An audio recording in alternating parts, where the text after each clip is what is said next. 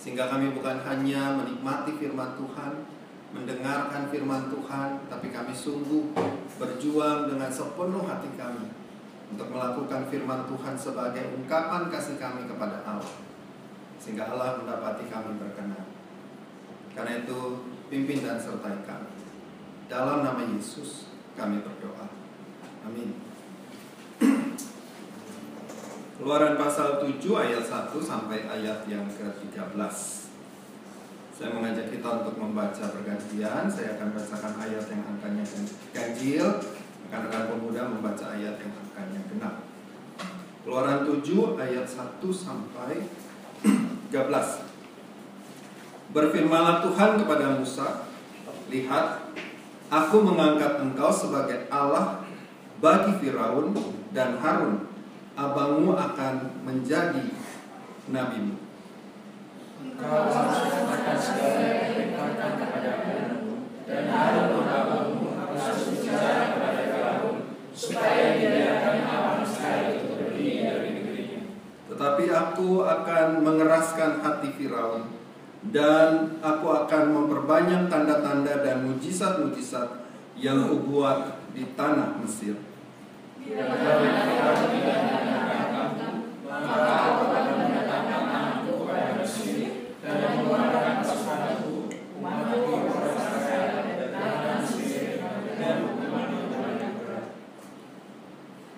Dan orang Mesir itu akan mengetahui bahwa akulah Tuhan apabila aku mengacungkan tanganku terhadap Mesir dan membawa orang Israel keluar dari tengah-tengah mereka.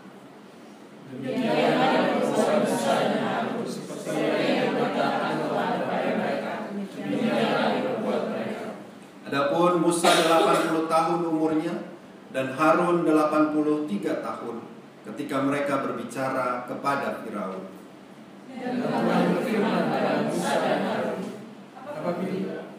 Apabila Firaun berkata kepada kamu, tunjukkanlah suatu mujizat, maka haruslah kau katakan kepada Harun, ambillah tongkatmu dan lemparkanlah itu di depan Firaun, maka tongkat itu akan menjadi ular. Musa dan Harun pergi menghadap Firaun, lalu mereka berbuat seperti yang diperintahkan Tuhan. Harun melemparkan tongkatnya di depan Firaun dan para pegawainya, maka tongkat itu menjadi ular. Kemudian Firaun pun memanggil orang-orang berilmu dan ahli-ahli sihir dan mereka pun ahli-ahli Mesir itu membuat yang demikian juga dengan ilmu mantra mereka. Masing-masing mereka melemparkan tongkatnya, dan tongkat-tongkat itu menjadi ular. Tetapi tongkat Harun menolak tongkat-tongkat mereka. Tetapi hati Firaun berkeras sehingga tidak mau mendengarkan mereka keduanya, duanya seperti yang telah difirmankan Tuhan. Demikianlah pembacaan kita yang berbahagia ialah mereka yang mendengarkan firman Allah dan memeliharanya. Haleluya.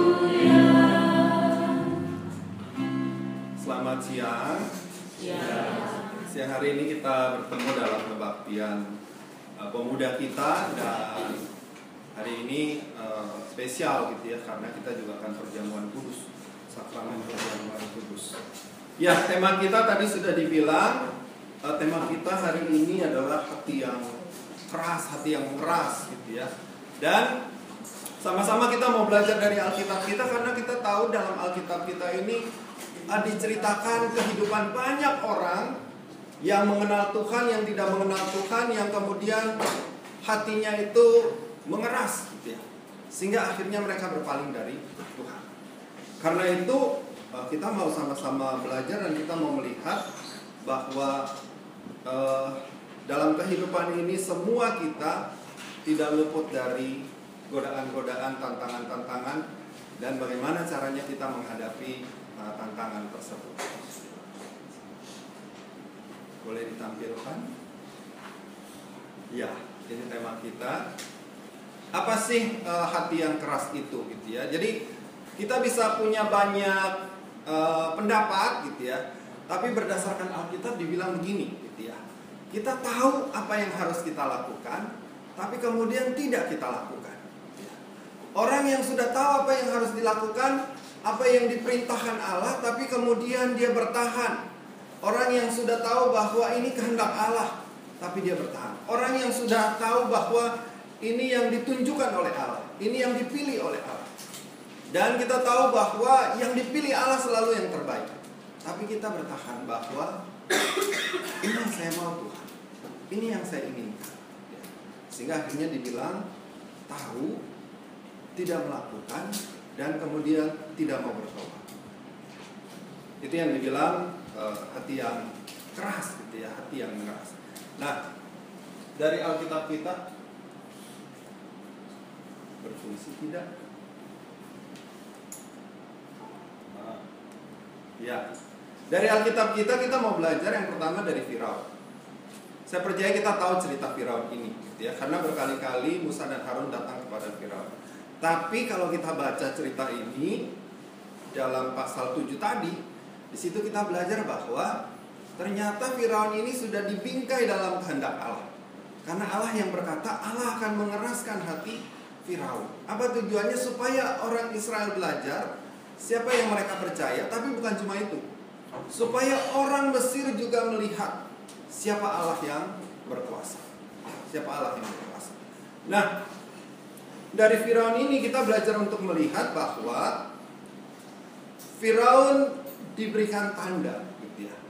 Musa dan Harun datang kepada Firaun dan mereka berkata, Firaun harus melepaskan Israel karena ini perintah Allah.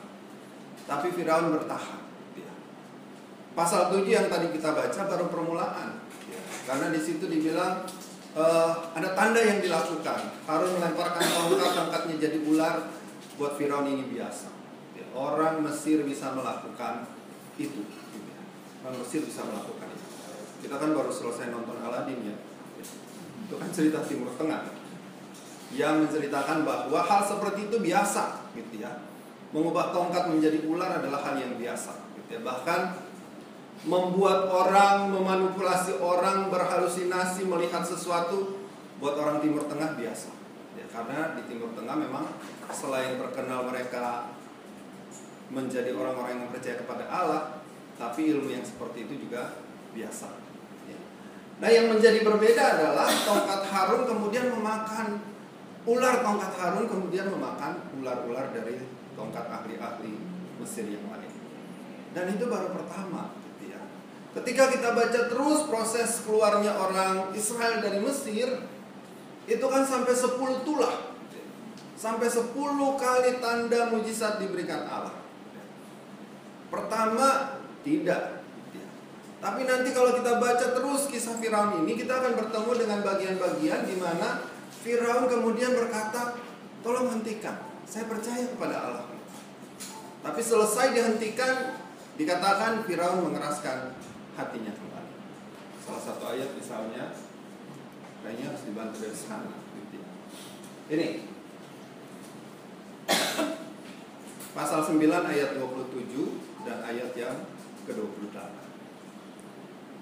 Saya bacakan buat kita ya walaupun ada di depan. di situ berkata demikian. Mana? Ya. Lalu Firaun menyuruh memanggil Musa dan Harun serta berkata kepada mereka, Aku telah berdosa sekali ini. Tuhan itu yang benar tetapi aku dan rakyat pula yang bersalah. Berdoalah kepada Tuhan. guru yang sangat dahsyat, dan hujan es itu sudah cukup. Maka aku akan membiarkan kamu pergi, tidak usah kamu tinggal lebih lama lagi. Itu yang dikatakan. Ya.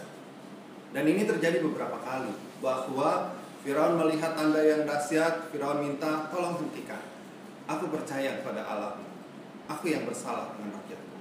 Tapi setelah dihentikan, dia kembali melakukan hal yang sama. Nah, dari Firaun kita belajar bahwa walaupun sudah diperkenalkan Allah kepada Firaun, lalu walaupun Firaun bilang, "Aku percaya," gitu ya. Tolong hentikan. Aku yang bersalah, tolong hentikan. Tapi kemudian dia mengeraskan hati. Sehingga akhirnya sampai terakhir ketika anak sulung meninggal, mau tidak mau Firaun melepaskan Israel. Karena akhirnya Firaun melihat Allah Israel nggak bisa dikalahkan sekali, dua kali, tiga kali, sampai sepuluh kali Allah Israel tidak bisa dikalahkan. Itu kalau kita belajar dari Firaun. Firaun yang tidak mengenal Allah diperkenalkan dengan Allah Israel yang tidak bisa dikalahkan. Dalam Alkitab kita juga diceritakan orang-orang yang mengenal Allah tapi kemudian hatinya mengeras. Tahu apa yang harus dilakukan, tapi kemudian tidak mengikuti apa yang Allah perintahkan dan mengikuti keinginan hatinya. Misalnya kita belajar dari boleh dipuja. Apakah memang tidak berfungsi? Berfungsi nggak sih? Hah? Tidak. Oke, berarti dari situ saja. Dari Alkitab kita kita juga belajar. Ya, misalnya dari Saul. Saul itu mengenal Allah. Dia mengenal Allah. Karena dia dipilih Allah, dia dipanggil Allah, Allah tahu bahwa Saul ini orang yang baik, ya. Sehingga dia dipilih Allah menjadi raja Israel yang pertama. Tapi kemudian kita juga belajar dan melihat bahwa Saul tahu apa yang harus dia lakukan, apa yang tidak boleh dia lakukan. Pada masa pemerintahannya Israel menjadi besar, lalu kemudian dia sayang kepada kekuasaannya. Ketika Allah bilang dia akan digantikan, dia nggak bisa terima. Sehingga akhirnya ada banyak hal yang dia lakukan untuk mempertahankan kekuasaan. Salah satu kesalahan fatal Saul adalah dia melakukan pemanggilan arwah. Dia melakukan pemanggilan arwah dan itu menjadi kesalahan dia yang sangat fatal. Sehingga ketika itu Allah bilang roh Allah meninggalkan Saul. Selesai sudah. Padahal dia tahu bahwa itu nggak boleh dilakukan. Tapi kenapa dia lakukan? Dia ingin mempertahankan kedudukannya sebagai raja. Padahal dia tahu bahwa Daud sudah diurapi menjadi raja, walaupun Daud masih muda. Tapi kemudian dia nggak rela. Karena apa? Karena dia ingin mempertahankan. Apa yang dia pikir ini milik saya. Belum waktunya diserahkan. Dia tahu apa yang harus dia lakukan, tapi kemudian dia melakukan hal yang fatal yaitu pemanggilan Allah. Daud Daud kan raja yang luar biasa. Daud itu kan dibilang orang memuji Daud yang membuat Saul sakit hati karena dibilang dia membunuh ribuan. Tapi yang kemudian membuat Saul menjadi sakit hati ya itu karena orang begitu memuja Daud ya. Padahal yang masih jadi raja adalah Saul. Tapi Daud juga sama ya. Dia raja yang hebat, dia raja yang luar biasa. Tapi ada kesalahan yang dia lakukan. Ketika dia mengambil Bathsheba menjadi istrinya. Bahkan sebelum menjadi istrinya, dia tahu bahwa ini istri orang, tidak boleh tapi dia justru mengiring suaminya Batseba itu ke garis depan supaya mati. Setelah itu baru dia ambil Batseba menjadi istri. Dia tahu gitu ya bahwa ini nggak boleh, nggak boleh, nggak boleh. Tapi kemudian dia tetap melakukan.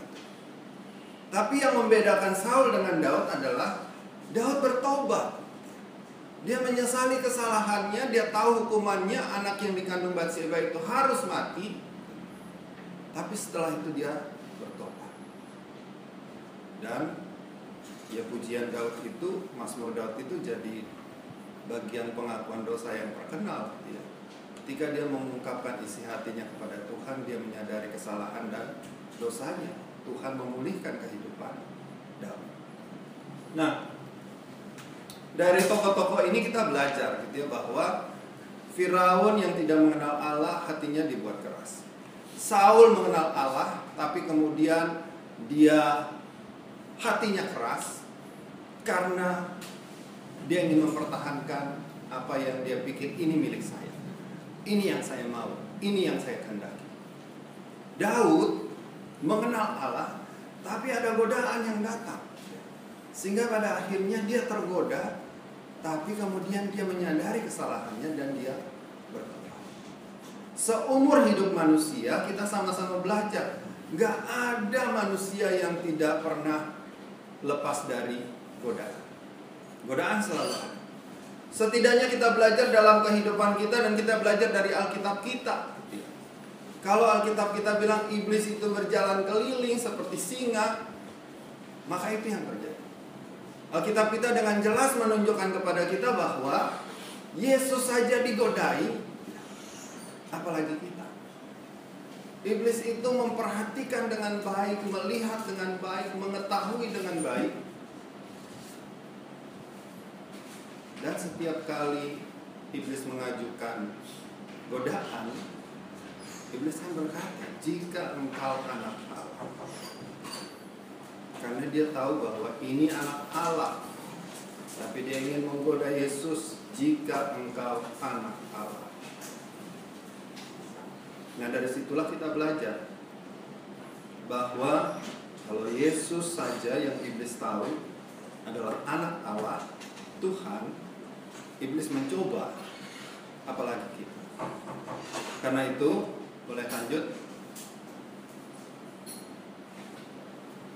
Nah, karena itu kita sama-sama mau belajar untuk melihat apa sih tandanya, apa sih ciri-cirinya orang yang mengeras hati. Yang pertama boleh diklik. Godaan dosa. Jadi semuanya diawali dengan godaan dosa. Orang yang baik sekalipun seumur hidupnya dia harus berhati-hati terhadap godaan dosa. Karena di Alkitab kita kita belajar hal itu.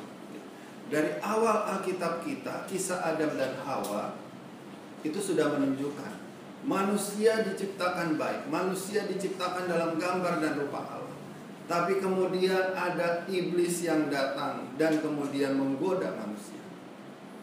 Dan apa yang dilakukan iblis memutar balikan firman Allah.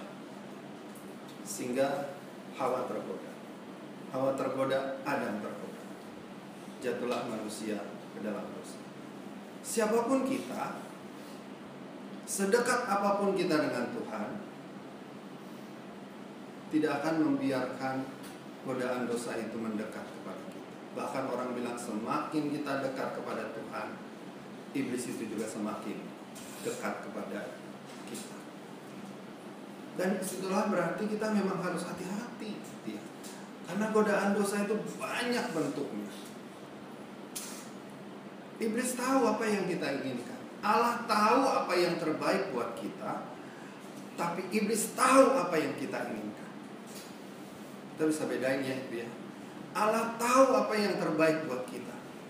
Tapi ingat, iblis tahu apa yang paling diinginkan hati kita. Dan itulah yang sering kali membuat manusia jatuh ke dalam dosa. Karena kemudian iblis menawarkan yang paling diinginkan hati kita. Tadi teman kita Presi sudah berbagi sedikit pengalamannya, gitu ya. Taunya ini yang baik, gitu ya. Tapi ternyata bukan. Itu hal yang dialami banyak orang. Kita berpikir ini yang terbaik, ini yang saya inginkan, ini yang mendatangkan kebahagiaan dalam hidup saya. Padahal belum tentu. Karena kita melihat apa yang di depan mata, Tuhan melihat jauh ke depan dalam perjalanan kehidupan Karena itu, yang pertama-tama kita harus hati-hati terhadap godaan dosa. Ketika kita terbujuk dengan bujukan iblis, maka kita akan kemudian mulai melangkahkan kehidupan kita dan mempertanyakan apa sih maunya Allah dalam hidup kita. Boleh diklik yang kedua dan ketiga.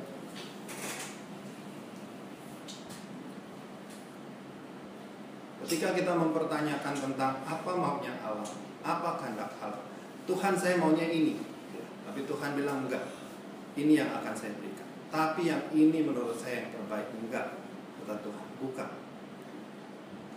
Ketika itu tidak terpenuhi, ya, maka kita akan menjauh dari Tuhan. Karena kita kemudian merasa, kenapa Tuhan begini? Ya. Kenapa Dia tidak memberikan yang saya inginkan?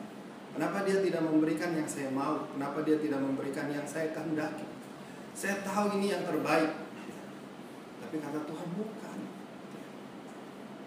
Lalu kemudian kita mengambil jarak dari Tuhan. Tuhan sih tidak akan pernah membiarkan kita. Tapi ketika kita mengambil jarak, di situlah kemudian kita mulai menutup hati kita. Karena itu yang keempat bilang buat kita boleh diklik. Karena kita menutup hati kita, kemudian sengaja tidak sengaja kita tidak mau mendengarkan suara Tuhan. Padahal Tuhan terus bersuara kepada kita, terus bersuara kepada kita.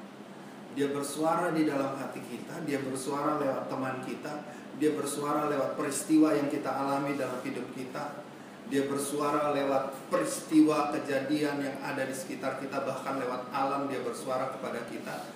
Tapi kemudian kita menutup diri. Enggak. Saya mau yang ini. Enggak. Saya nggak mau dengar suara. Dan itu yang terjadi dalam kehidupan banyak orang. Berkali-kali Saul mendapatkan peringatan tapi hatinya kemudian tertutup.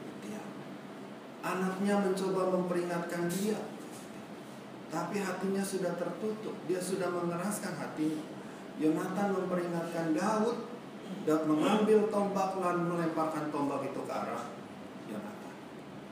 dari situlah kata Yonatan Yonatan tahu bahwa Saul sudah berniat untuk membunuh Daud Peringatan-peringatan itu ada. Ya. Apakah Allah berhenti bicara buat kita? Enggak pernah Allah berhenti bicara. Tapi kita saja yang merasa ini yang saya mau loh. Ini yang saya kendaki loh. Ini jalan saya. Padahal bukan. Boleh lanjut? Sampai akhirnya kita sulit untuk mendengarkan siapa pun siapa pun yang memberikan nasihat kepada kita, yang mengingatkan kita. Nah, saudara yang terkasih dalam Tuhan Yesus, rekan-rekan pemuda, ya, ini bisa terjadi pada siapa saja. Ada godaan, dan kita tahu godaan itu dari iblis. Tapi kita juga tahu bahwa kalau kita bertahan dalam Tuhan, iblis nggak akan menang. Tapi yang terjadi adalah kita menyerah. Karena yang ditawarkan iblis ini sesuai dengan yang kita mau, cocok. Sehingga akhirnya kita menyerah. Kalau kita bertahan dan ternyata tidak terjadi seperti yang kita inginkan, yang timbul adalah kecewa, sedih, marah kepada Tuhan. Dan itu juga bisa membuat kita kemudian mengambil jarak dari Tuhan. Tuhan ada banyak yang saya sudah lakukan dari saya kecil, remaja, pemuda, semua saya lakukan untuk Tuhan. Tapi cuma satu yang saya minta, kenapa nggak bisa diberikan?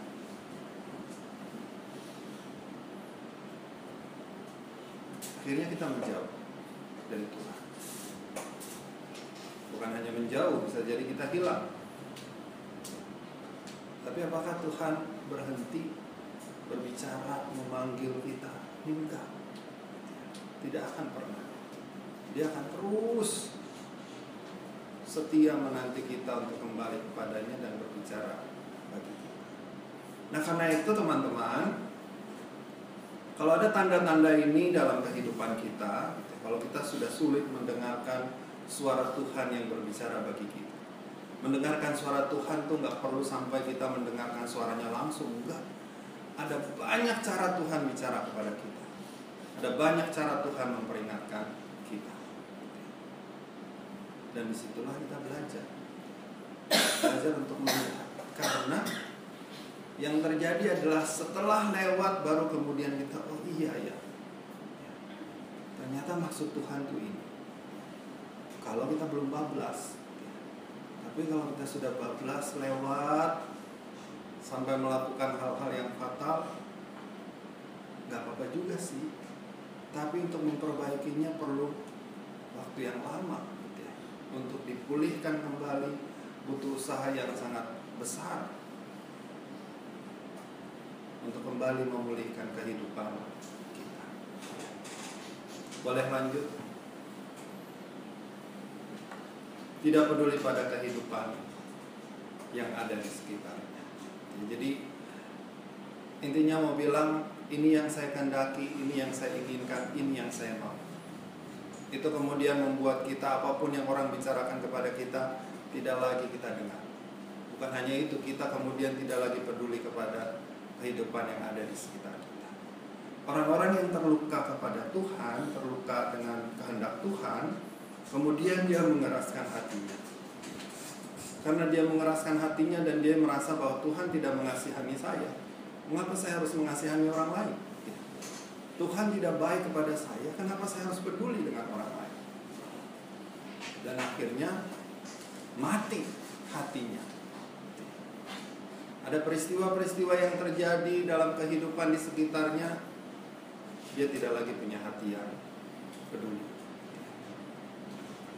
Fokusnya hanya pada kehidupannya, apa yang diinginkan, apa yang dia mau. Dia tidak lagi memperhatikan kehidupan yang ada di sekitar. Boleh lanjut?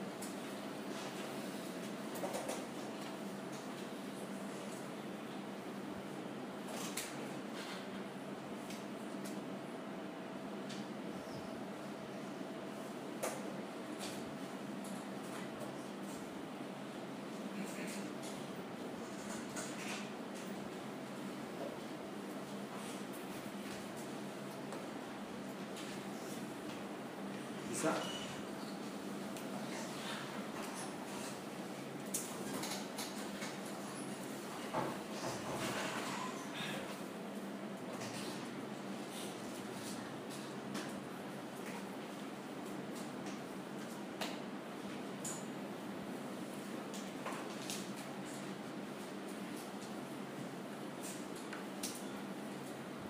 Ya, rasanya bagian berikutnya apa sih yang harus kita lakukan?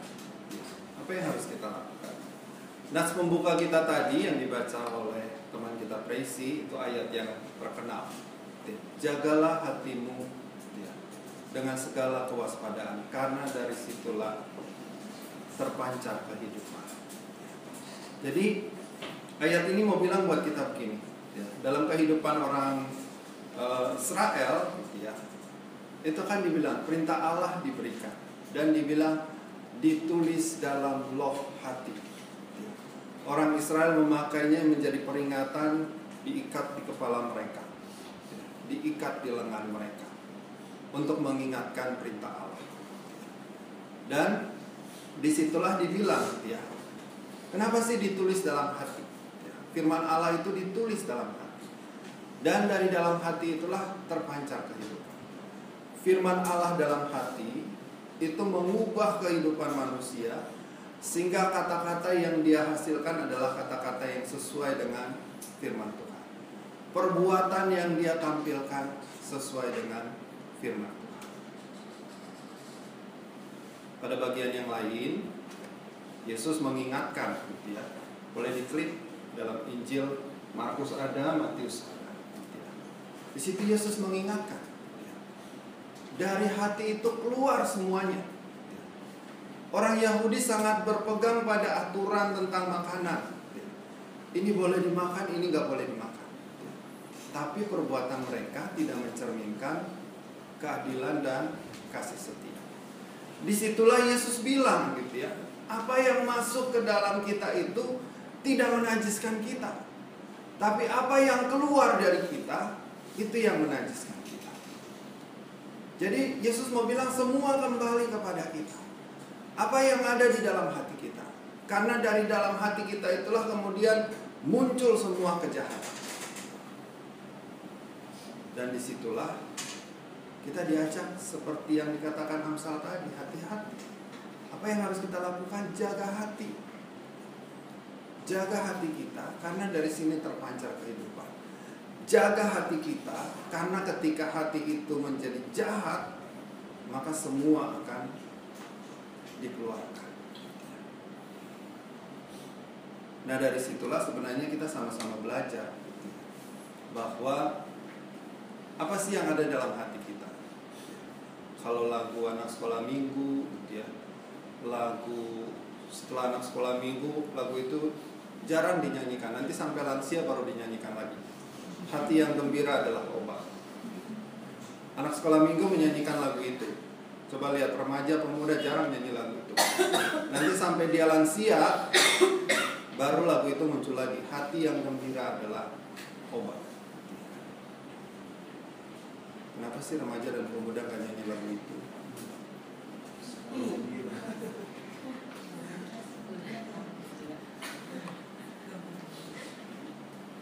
Jadi itu kan sebenarnya sederhana gitu ya. Mau bilang apa sih yang harus dilakukan? Jaga hati. Gitu ya. Jaga hati kita karena kata Alkitab dari hati itu terpancar kehidupan. Kebaikan muncul dari hati. Cinta kasih muncul dari hati. Kejahatan juga muncul dari hati. Boleh lanjut? Ini bagian yang kedua ya yang mau bilang buat kita hiduplah dalam roh. Dari Saul kita belajar, dari Daud kita belajar. Saul roh Allah hidup di dalam Saul. Tapi ketika Saul berdosa dan tidak bertobat, roh Allah meninggalkan Saul. Dari Daud kita belajar roh Allah menguasai Daud. Daud bertobat. Dia memperbaiki kesalahannya, dia memperbaiki kesalahannya. Kita juga sama. Siapa sih di antara kita yang tidak berdosa? Semua kita berdosa. Alkitab kita juga mengatakan itu. Semua kita berdosa dan telah kehilangan kemuliaan Allah. Tapi Yesus mengasihi kita. Dia mati bagi kita. Dia menyelamatkan kita. Dia memulihkan kehidupan kita. Dia memulihkan bukan hanya kehidupan kita, dia memulihkan hati kita. Supaya hati manusia itu jangan syarat dengan kejahatan, jangan syarat dengan kebencian, tapi diisi dengan cinta kasih. Nah karena itu kita diminta untuk hiduplah di dalam roh. Gampang gak sih hidup di dalam roh? Gak gampang. Butuh perjuangan setiap hari, setiap jam, setiap menit, setiap detik. Supaya tetap bisa hidup di dalam roh. Kalau saudara kita yang muslim kan teman-teman tahu ya Mereka suka sikir kan Tasbihnya dipegang di mana saja dia doa, doa, doa, doa Itu tradisi Timur Tengah sebenarnya Orang Yahudi juga begitu Dia harus terus menerus Menghafalkan doanya gitu ya. Supaya dia dijauhkan dari godaan gitu ya. Dari godaan-godaan iblis, godaan-godaan setan supaya dia bisa tetap hidup di dalam Allah. Nah kita memang tidak lagi pakai tradisi itu, ya. Tidak lagi kita pakai tradisi itu. Tapi sebenarnya itu mau mengingatkan kita seperti yang dikatakan tadi, Roh Allah itu ada di dalam kita, ada di dalam hati kita, ada di dalam pikiran kita sama seperti orang Yahudi ya ditulis di hati ada dalam pikirannya ditempelkan di lengannya apa pun yang dilakukan haruslah sesuai dengan kehendak Tuhan nah itu sebenarnya bagian yang mengingatkan kita ya, bahwa siapa pun kita tantangan-tantangan untuk jatuh ke dalam godaan kemudian menjadi kecewa kepada Tuhan Itu menjadi hal yang terjadi pada diri setiap kita. Tapi kemudian kita diingatkan, kehendak Tuhan pasti baik. Kehendak Tuhan pasti baik. Boleh lanjut? Nah, saya percaya teman-teman tahu inilah. Ya. Kehendak Tuhan itu pasti baik. Nggak ada yang baik. Tapi kemudian dia harus berhadapan dengan kehendak kita, berhadapan dengan keinginan kita. Alkitab kita juga sudah bilang kok Yesus juga memang sudah menyatakan itu. Paulus juga mengatakan. Inginnya hidup di dalam roh, tapi yang terjadi adalah keinginan daging. Dan di situ memang dikatakan, roh memang penurut, tapi daging lemah. Yang lebih berkuasa yang mana? Harusnya roh yang lebih berkuasa, bukan daging.